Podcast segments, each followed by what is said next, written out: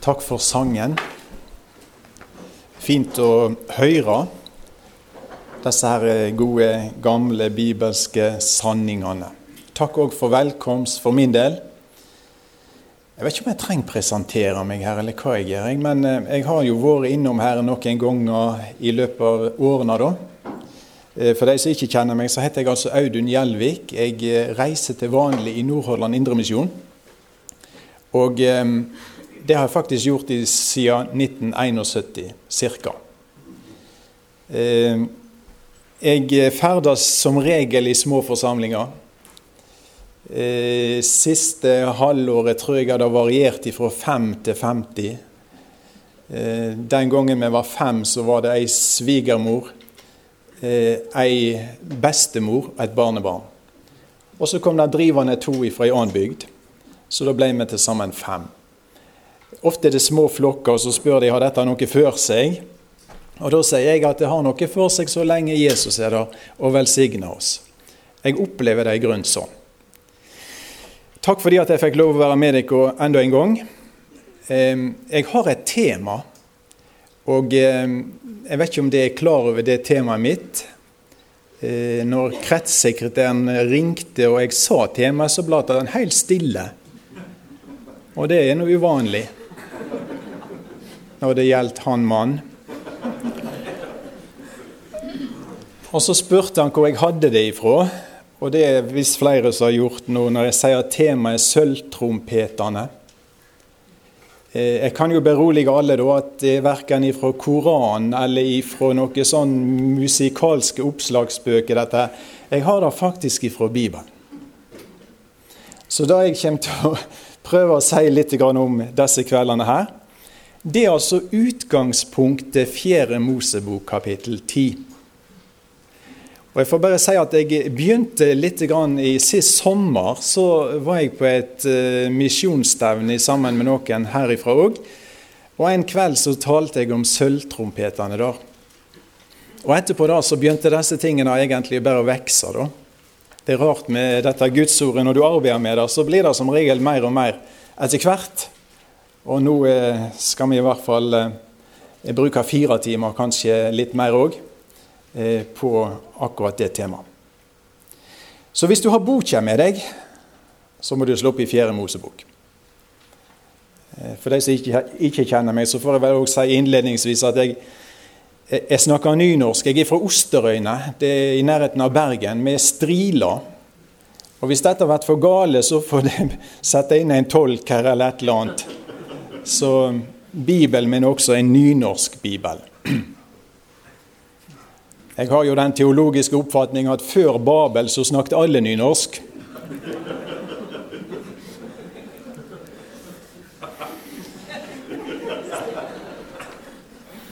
Etterpå ble det både bokmål og sognamål og sørlandsk og litt, litt forskjellig, da. Men nå skal vi lese sammen fra 4. Mosebok kapittel 10. Vi ber litt. grann.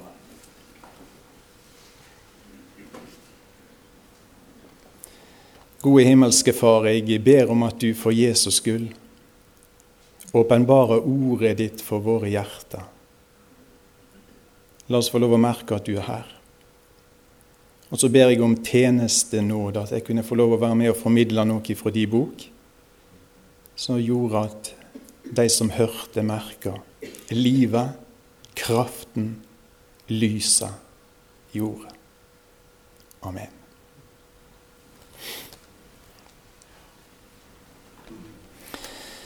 Fjerde Mosebok 10. Herren taler til Moses og sa:" Lag deg to trompeter av sølv, du skal lage dem i hamre arbeid, og du skal bruke dem når lyden, altså forsamlingen, skal kalles sammen, og når leirene skal bryte opp. Når de bles i de begge, skal hele lyden samle seg jo deg attmed inngangen til samlingsteltet. Bles de bare i den ene, skal hovdingene, høvedsmennene for alle Israels hærer samle seg jo deg. Men når det blåser alarm, skal de leirene som ligger mot øst, bryte opp. Og når det blåser alarm andre gangen, skal de leirene som ligger mot sør, bryte opp. Det skal blåses alarm når de skal bryte opp. Men når lyden skal kalles sammen, skal de blåse i trompetene, men ikke blåse alarm. Det er Aronsønnene, prestene, som skal blåse i trompetene. Det skal være ei evig lov for dykk ifra ett til ett. Når de i landet dykkar dreg i krig mot fiender som går til åtak på dykk, skal de blåse alarm med trompetene. Og Herren dykkar Gud skal komme dykk i hug, så det vert berga ifra fiendene dykkar. På glededagene dykkar og på høgtidene og nymånedagene dykkar skal de blåse i trompetene når de ofrer brennoffer og fredsoffer. De skal minne om dykk, for Herren dykkar Guds åsyn. Eg er Herren dykkar Gud. Amen.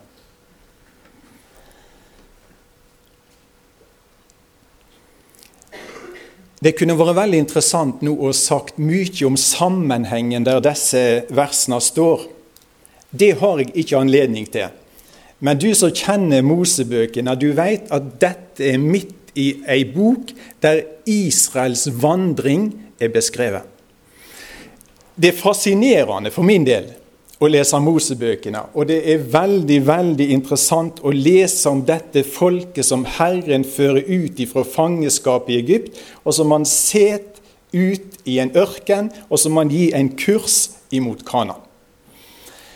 Det fins ingenting i verdenshistorie som går an å sammenligne med dette. her. Jeg tror ikke Guds folk alltid er klar over for en enorm sak dette her med Israel og dette som Gud gjorde i Egypt og videre hva dimensjoner det egentlig har.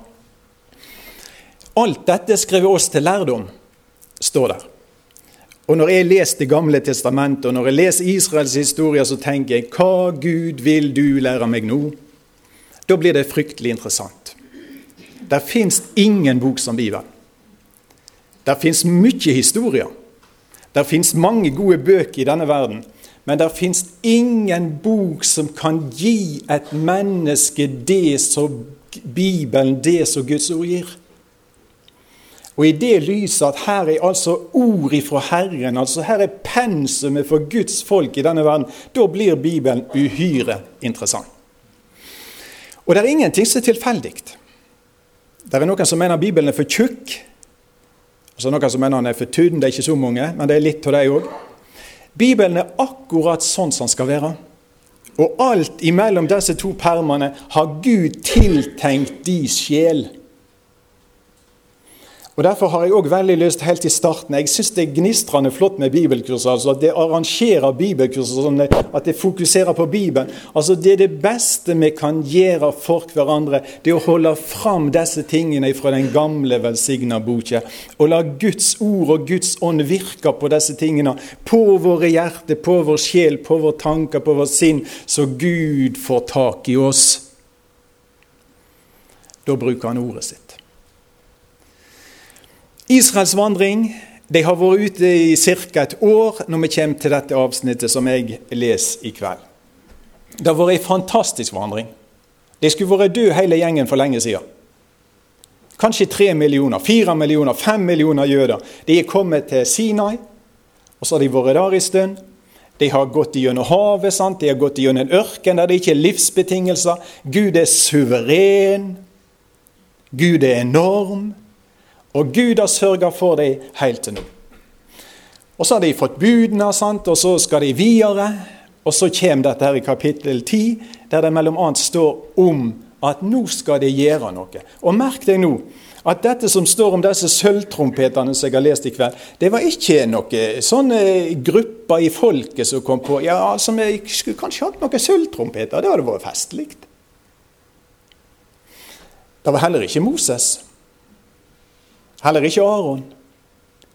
Det er Gud i himmelen som befaler. Altså, Herren talte til Moses og sa Og så kommer altså beskjeden, Moses, nå skal du lage disse sølvtrompetene. Tror du det er tilfeldig? Tror du det er på slump? Altså Såpass har jeg lest i Bibelen. Jeg har et herlig privilegium. Jeg er gammel emissær og gode greier. Jeg har til og med betaling for å lese i Bibelen. Altså, Fins det noe bedre? Og disse tingene her, altså, det er så interessant. Altså Gud i himmelen han sier til Moses nå skal du lage to trompeter. Ei guddommelig befaling. Og så står det altså massevis av detaljer i denne teksten om disse her trompetene. Nå skal vi se litt på bare noen ting. For det første antallet som jeg allerede har sagt, det er to. For det andre materialet. Det skal ikke være hva som helst. Det skal ikke være kopper, det skal ikke være gull, det skal være sølv. Altså Trompetene skal være sølv. Så sier han hvor tid eller hva anledning av disse skulle brukes i. Han sier hva formålet, hva hensikten med disse trompetene skulle være. Han sier hvordan de skulle lages, altså hvordan de skulle produsere disse eh, sølvtrompetene. Han sier hvordan de skal brukes, altså òg variasjon i bruk. Altså Alle disse detaljene kommer fra Gud. Det er befaling ifra Gud til han Moses at sånn vil jeg ha det. Jeg sier igjen, for min del er det meget interessant å, og, og tenke litt på disse tingene og arbeide litt med disse tingene. Og nå skal vi ta det litt sakte og rolig her. Og så skal vi se på noen av disse tingene. Og så jeg jeg kan bare si det med en gang, at denne uka, det som jeg kommer til å si mest om, det har med vandring, det har med tjenester å gjøre. La meg si det allerede her og nå. Men la oss nå gå på antallet først. Altså, Moses, du skal lage to trompeter av sølv. Ikke fem, ikke tolv, ikke hundre. Du skal lage to. Betyr det noe? Altså Den kjennskap jeg har til Herren, der er ingenting tilfeldig i Hans ord. Det er aldri noe sånn på slump. Der er alltid en tanke bak, der er alltid en lærdom i, der er alltid en velsignelse i det Gud sier. Det er ikke alltid jeg finner han. Og det er ikke alltid jeg skjønner det. Jeg er dum som en staur mange ganger når jeg leser Bibelen. Men jeg skjønner og aner at her er noe. Og Når det gjelder tallet to, så tror jeg ikke det er tilfeldig heller. altså. Men Jeg skal ikke gå mye inn i de tingene da. Men det ringer ei lita bjelle med en gang for min del. Tallet to. Møter du det av og til i Bibelen? Du gjør det. Og nå skal jeg ikke ta, Vi kunne tatt mange bibelord, men la meg gå rett til Johannes 8. Eh, til Johannes 8. Og Der er et meget sterkt avsnitt. Den første delen av kapittelet tror jeg er veldig kjent. Men jeg skal lese fra vers 12. Eh, Jesus taler atter til deg og sa:" Jeg er lyset for verden. Jeg på å si, Av og til burde vi stanse opp, og så burde vi lete sånne ord sige inn i hjertene våre. Hører du hva han sier? Altså enten er denne mannen galen, eller så er han Gud. Aldri hadde noen sagt noe sånt. Jeg er lyset for verden. Den som følger meg, skal ikke ferdes i mørket, men ha livsens lys. Enormt. Er det sant? Ja. Amen. Det er sant. Og Nå skal du høre hva han sier videre.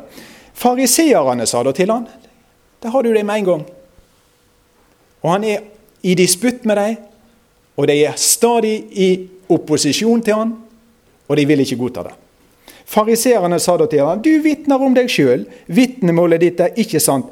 Jesus svarer og sa til dem, om jeg så vitner om meg sjøl, så er vitnemålet mitt sant, for jeg veit hvor jeg kjem ifra, hvor jeg fer av, men det veit ikke hvor jeg kjem ifra, eller hvor jeg fer av. Det dømer etter kjøtet, jeg dømer ingen. Men enda om jeg dømer, så er dommen min rett, for jeg er ikke aleine, men Faderen men sammen med Faderen som har sendt meg. Og så sier han, og nå snakker han til loven sine representanter, som kjente loven, som kunne sitere loven, og som var veldig opphengt i loven.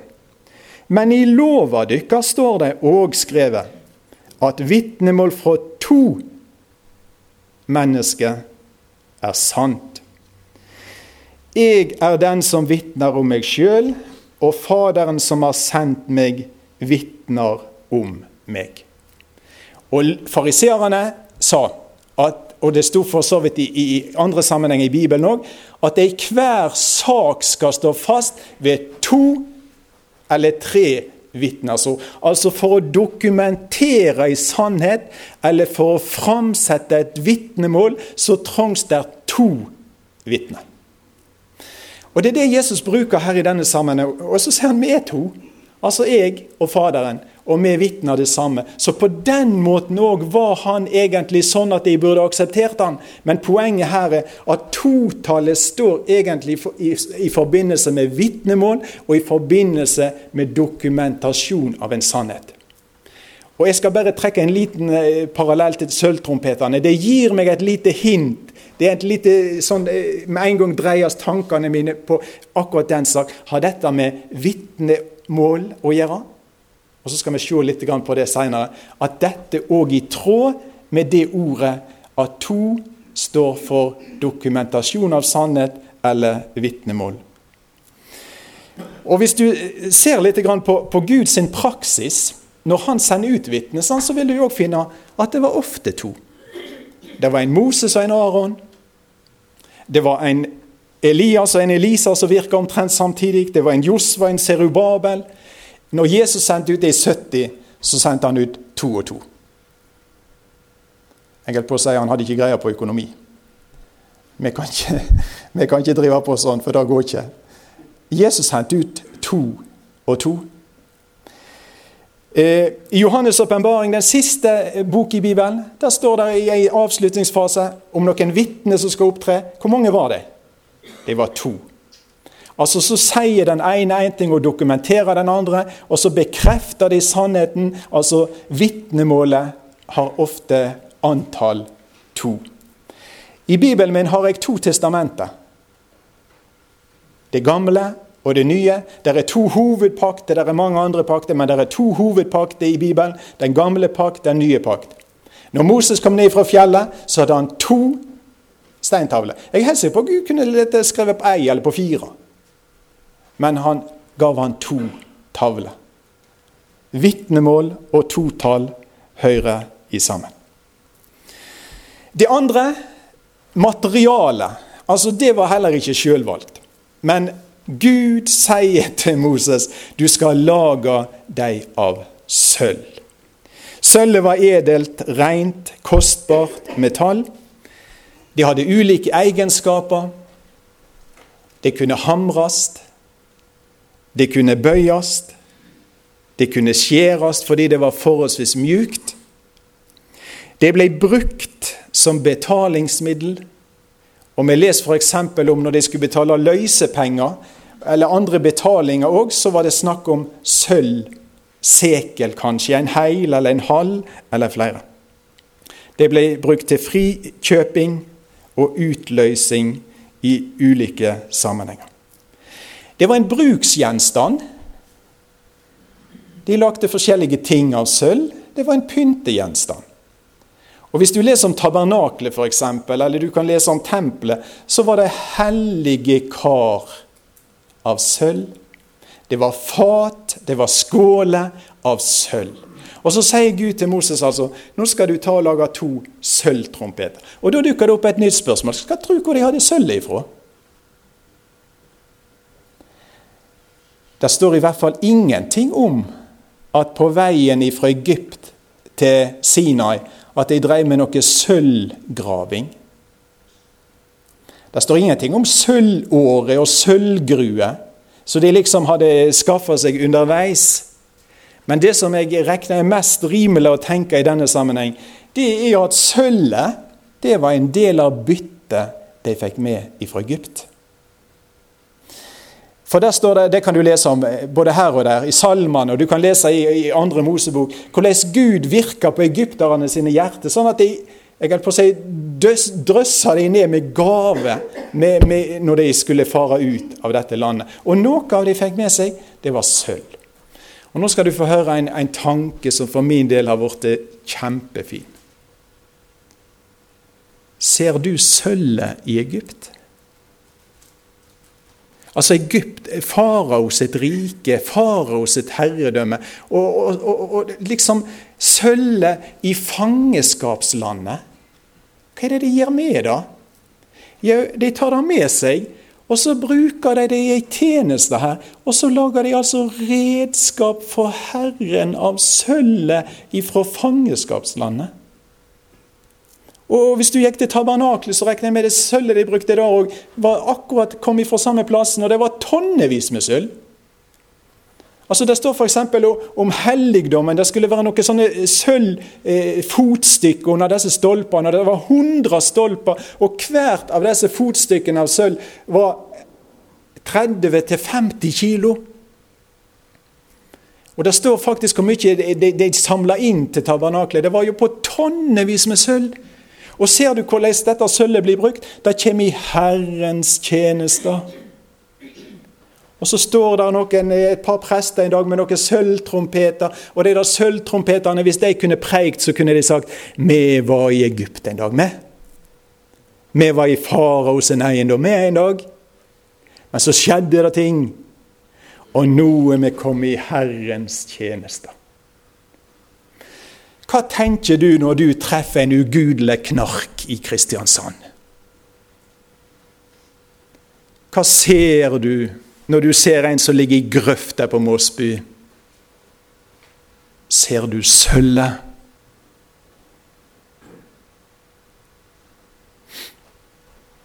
Ser du muligheten av hva Herren kan få ut av dette sølvet? Om det blir tatt ut om det blir plassert i en mesters hånd, så kan det bli hellige kar i Herrens hus. Det kan bli sølvtrompeter så Herren kan bruke i sin tjeneste.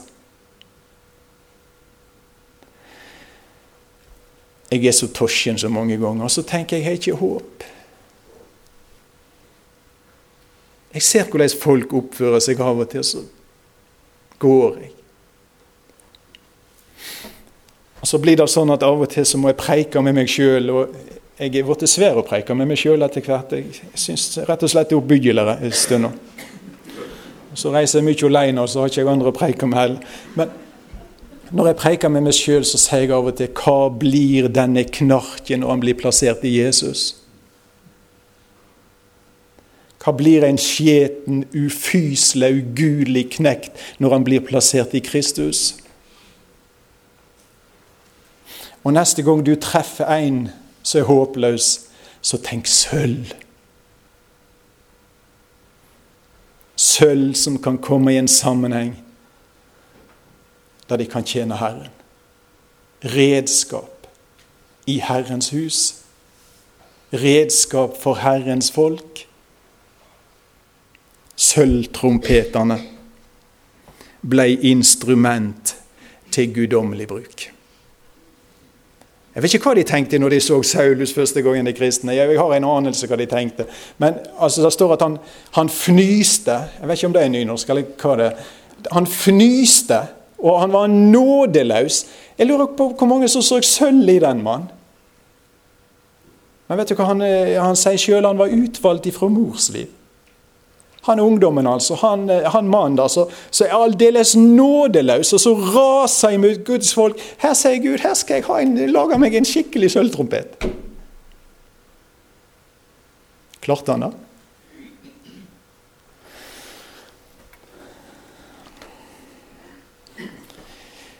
Nå har jeg sagt litt om antall, jeg har sagt litt om materiale, og så må jeg si litt om bruken.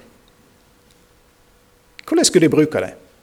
Ja, i detalj så foreskrev Gud deg den saka.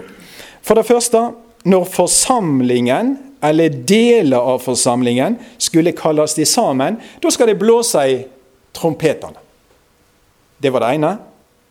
Det andre var når leiren skulle bryte opp. Altså når folket skulle flytte fra en lærplass til en annen lærplass, da skal det blåse i sølvtrompetene.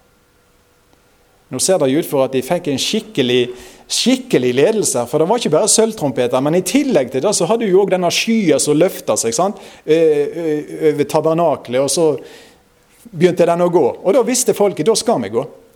Men det ser jo ut til at når det gjaldt mer detaljer, så kommer disse sølvtrompetene i bildet.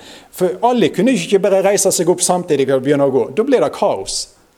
Men så brukte de òg disse sølvtrompetene, sånn at signalene lydde for stamme etter stamme. Og så visste de ulike stammene når de skulle gå. Gud er ordensgud. Og så ser det ut for han bruker disse sølvtrompetene i så måte. Det tredje de skulle bruke sølvtrompetene til, det var når de kom inn i landet. Og hvis da fiendene angrep, så skulle de blåse i sølvtrompetene. Altså det er en slags mobilisering som skal skje gjennom at det blåser i sølvtrompetene. Og det fjerde det er altså på festdagene, på høgtidene deres, på nymånedager og ved ofringer, så skal det òg blåse i sølvtrompetene. Og de hadde masse høgtid i Israel. De har jo, jeg holdt på å si, velsigna det gamle miseriehjertet mitt. Og leser altså om hvor mange høgtider Herren unte folket sitt. Han var ikke farao. Så piska de av gårde og holdt på å ta livet av dem. Men han gav dem mange hviledager, mange høgtidsdager. Og det var Ja, hva var det for? Det var for at de skulle konsentrere seg om han. Og så skulle det bli høgtid. Vet Folk i Norge i dag de tror at det er lavtid. Altså Skal du konsentrere deg om Gud, ja, da er det siste, altså det er det siste, da må du være dødssyk. Eller stor krise. Syndefallets verden er det sånn.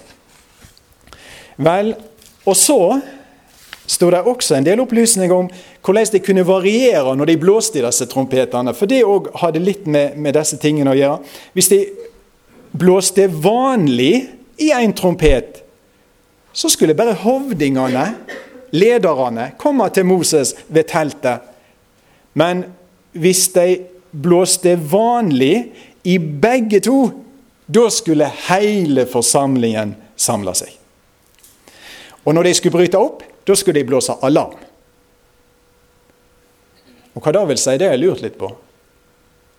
Jeg var med i hornmusikken en gang da jeg var liten. Det ble aldri noen stor karriere for min del. Men jeg hadde en kornett. Jeg, fikk nå iallfall lyd. Sånn noenlunde. Men å blåse alarm, det, det vet jeg ikke. Men kanskje er det sånn ratatatata eller noe sånt.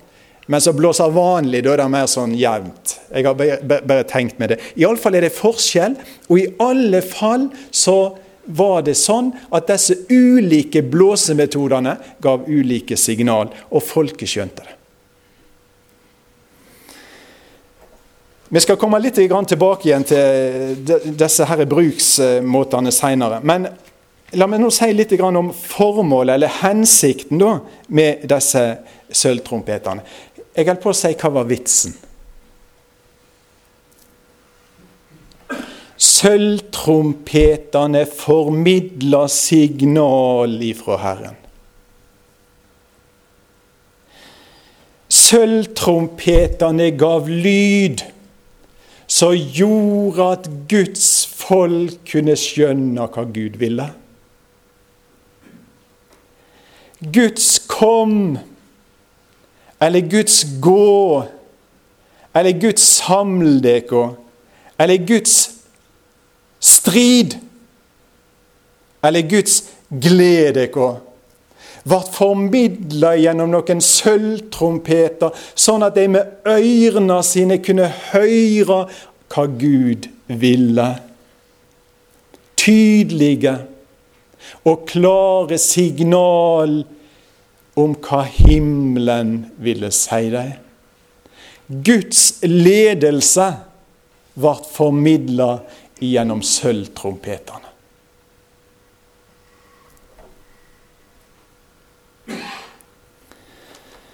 Jeg vet ikke hvordan du opplever den tida som vi lever i i dag. Det kan være forskjellig. Det er jo ikke svart-hvitt. Og Likevel må jeg for min del si at det er ofte med smerte jeg registrerer den verden som jeg lever i. Johan var for så vidt inne på noe av det òg. Når jeg leser Bibelen av og til, så, så treffer jeg på noen bibelord, og så, og så står det for meg Der har du vår tid. Altså, Det er ingenting nytt under sola, sier han Salomo. Altså, Det er så mange situasjoner som har vært før, og så dukker de opp igjen. sant? Og det, Nå skal jeg lese noen sånne bibelord som for min del beskriver litt av den tida som jeg erfarer vi lever i i dag. Og Nå skal jeg ikke gå i veldig masse detaljer, for det har vi ikke tid til. Men 1. Samuelsbok kapittel 3 og vers 1. Der står det at gutten Samuel tjente Herren, og Eli hadde tilsyn med han. Herrens ord var dyrt i de dager, og av syner var det få. Altså dyrt, det var kostelig, eller det var sjeldent i de dager. Av syner var det få. Så kan du lese videre i den, det kapitlet. Og så skal du se et israelsfolk. Og det vi snakker om nå, er Guds folk. I den tida der. Så altså søkket er så djupt, det er kommet så langt vekk ifra Herren, at du skulle ikke tro det var mulig. Og han som skulle være en åndelig leder, han var det slettest ikke. Han klarte ikke engang å oppdra sine egne bånd. Og det er da prestene levde altså så du ikke skulle tro det var mulig i hele tatt. Altså, så står det i den situasjonen at eh, Herrens ord var dyrt, sjeldent. Av syner var det få. Vet du hva som er situasjonen? Altså, der mangler sølvtrompeter. Signalene ifra Guds verden synes å være vekke. Inntil Gud nå reiser opp en mann. Det starta forresten med ei mor som ba. Og så reiser Gud opp en mann i det mørket, han Samuel. Og så former han en sølvtrompet som sendte himmelske signal inn i det mørket, som forandrer et helt folk.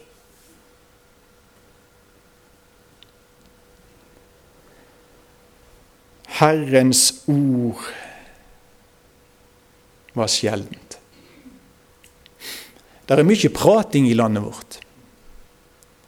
Og det kan til og med være mye teologi. Men av og til er teologien mer tullologi enn teologi. Og da gjør det ingenting med de som hører det. Det er forskjell når ordet fra Herren kommer med kraft og ånd. Det er forskjell når folk registrerer signalene fra den himmelske verden. Jesajas 5,20. Profeten Jesajas. Han skifter navn fra bibel til bibel, jo meg, men nå heter han Jesajas. Eller Jesaja. Og kapittel 5 og vers 20. Nå skal du få høre om ei, underlig tid igjen i Israel. Og da står det 'ved deg som kaller det vonde godt og det gode vondt', som gir mørke til lys og lys til mørke, som gir beist til søtt og søtt til beist. Vet du hva jeg syns? Det er en glimrende beskrivelse av vår tid. Det har sett noen kloke folk rundt om i dette landet vårt. Mange av de sitter i Oslo. Mange av stormakt. De er sikkert i Kristiansand òg. De er veldig, veldig inn i media. Og vet du hva de gjør? De forkynner det som er beiskt, og det som er søtt, og det som er rett, og det som er gale, og de proklamerer det som sannhet. Men det de som regel gjør, det er at de snur tingene aldeles på hodet. Det er det som er saken. Og vet du hva de snakker om når, når de snakker om Vestlandet? Så snakker de om det mørke Vestlandet. Og det er fordi at det er en del att på dette her mørke Vestlandet som tror på Bibelen. Og så tror de på Gud. Og så er de til oss med så galne at de, de tror alt dette som Gud har sagt, det er sant. Og så ser de stakkars folk altså surt, beiskt, mørkt fælt. Og dette her bombarderer de Ola Nordmann med. Og så sier de, og så skal de lære opp altså, Det gjør det gode vondt, og det gir mørke til lys, og det gir lys til mørke. Det gir beist til søtt, og det gir søtt til beist. Altså Disse tingene står altså på dagsorden, og så bombarderer de folket vårt med disse jeg holdt på å si verdiene sine, som mangler verdier. Og så sier de det er altså det er altså godt om du lever i den friheten som vi ikke hørte om i forrige time, men den friheten som har med ditt ego, ditt kjøtt, din syndige lyst, det er godt, sier de. Og Gud må ikke du blande inn i livet ditt. Da blir alt mørkt.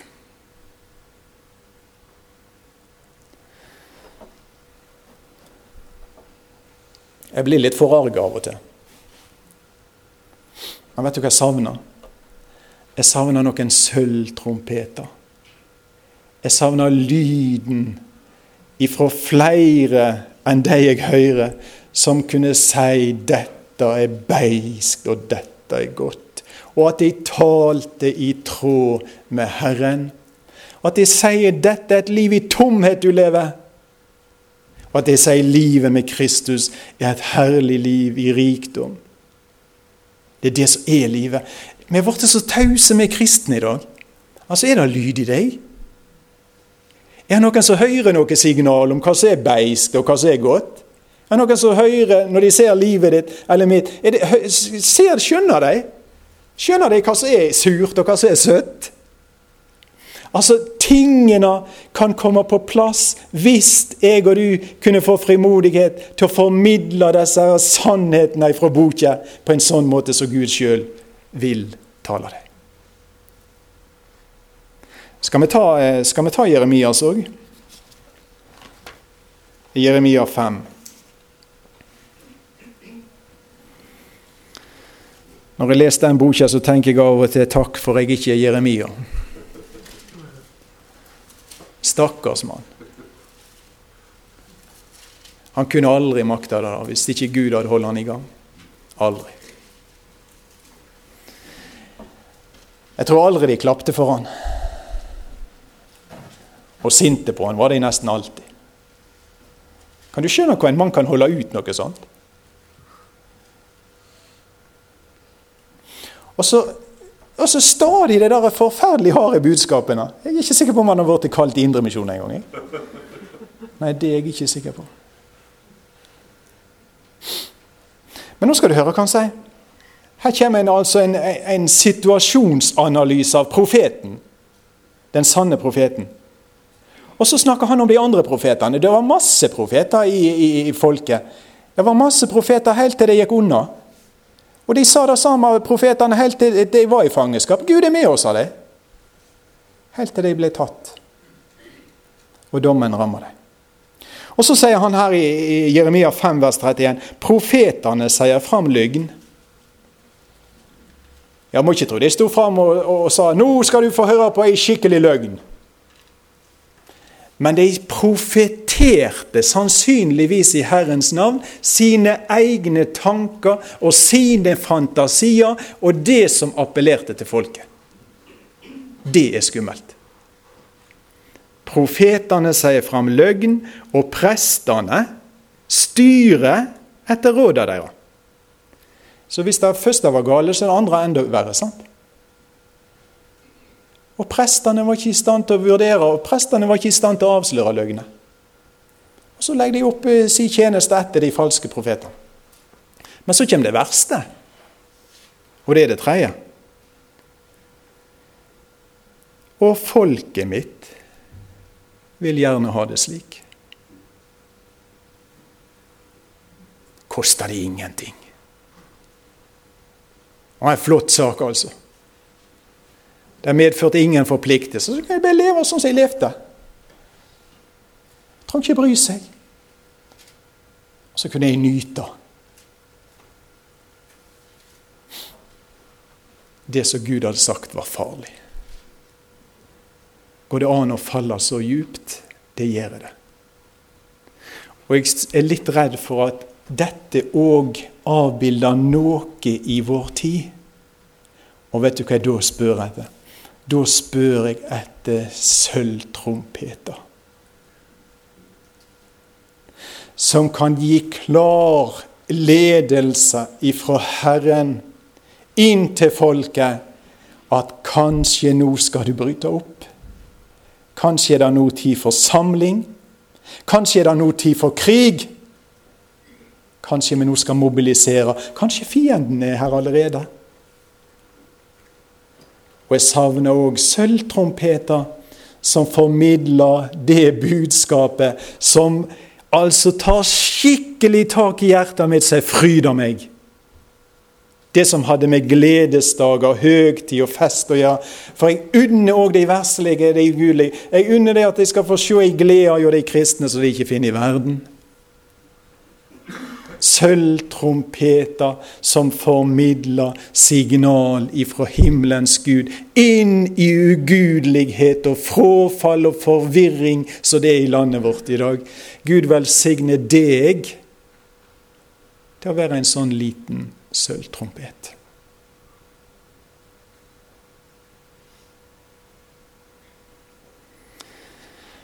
Det siste, hvem var det som skulle bruke disse sølvtrompetene? Var det hvem som helst? Nei, det var det ikke. Det var helt spesielle folk, og det var to stykker som skulle bruke sølvtrompetene. Den ene het Eliaser, og den andre het Itamar. Og de var sønner av Aron. Det var to prester som var innvidde, som var salva av Gud, og disse to skulle stå der og blåse i sølvtrompetene. Nå lever vi i ei tid som vi snakker om den nye pakt, og så får jeg slutte med det i kveld. I den nye pakt, du vet det, men jeg skal minne deg på det igjen. I den nye pakt er vi alle prester. Der er du prest som hører Jesus til.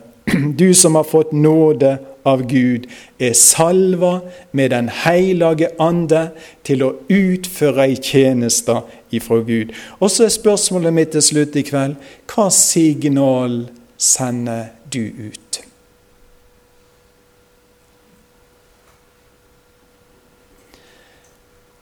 Ordene våre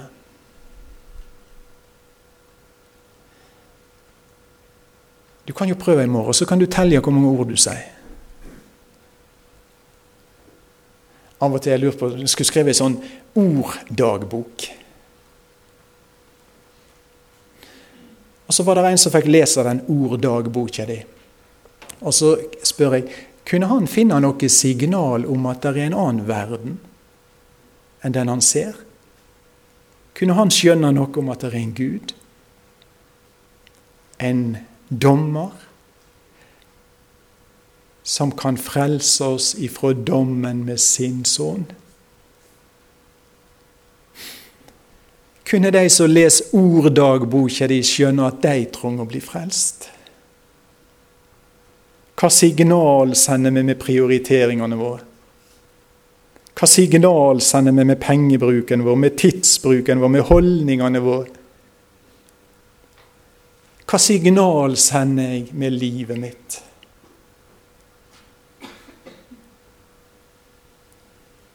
Hva signal sender jeg med interessene mine?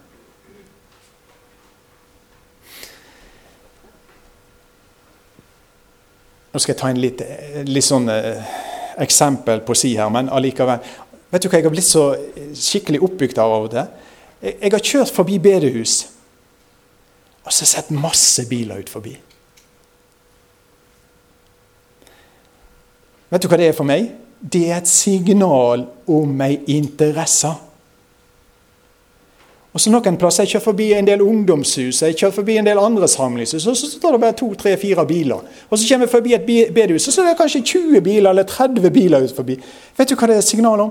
Det er et signal om et folk som er interessert i noe spesielt. Og I tråd med det så sier jeg av og til til kona mi at nå tar vi to biler med oss når vi kjører på bedehuset.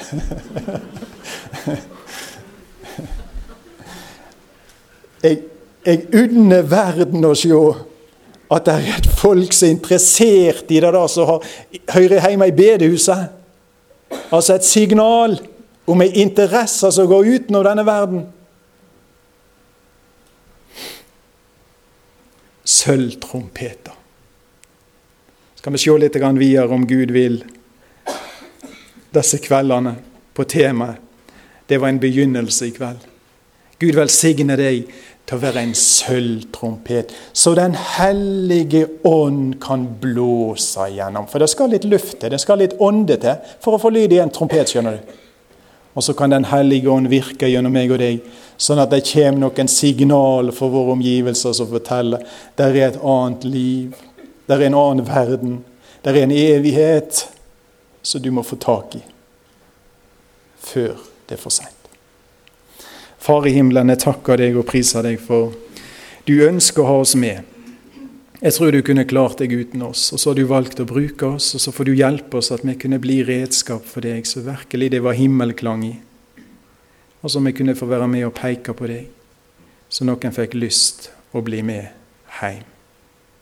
Velsign du dine venner, her, gode Gud, og gi oss mye nåde, så vi kan tjene deg på en god måte. Amen.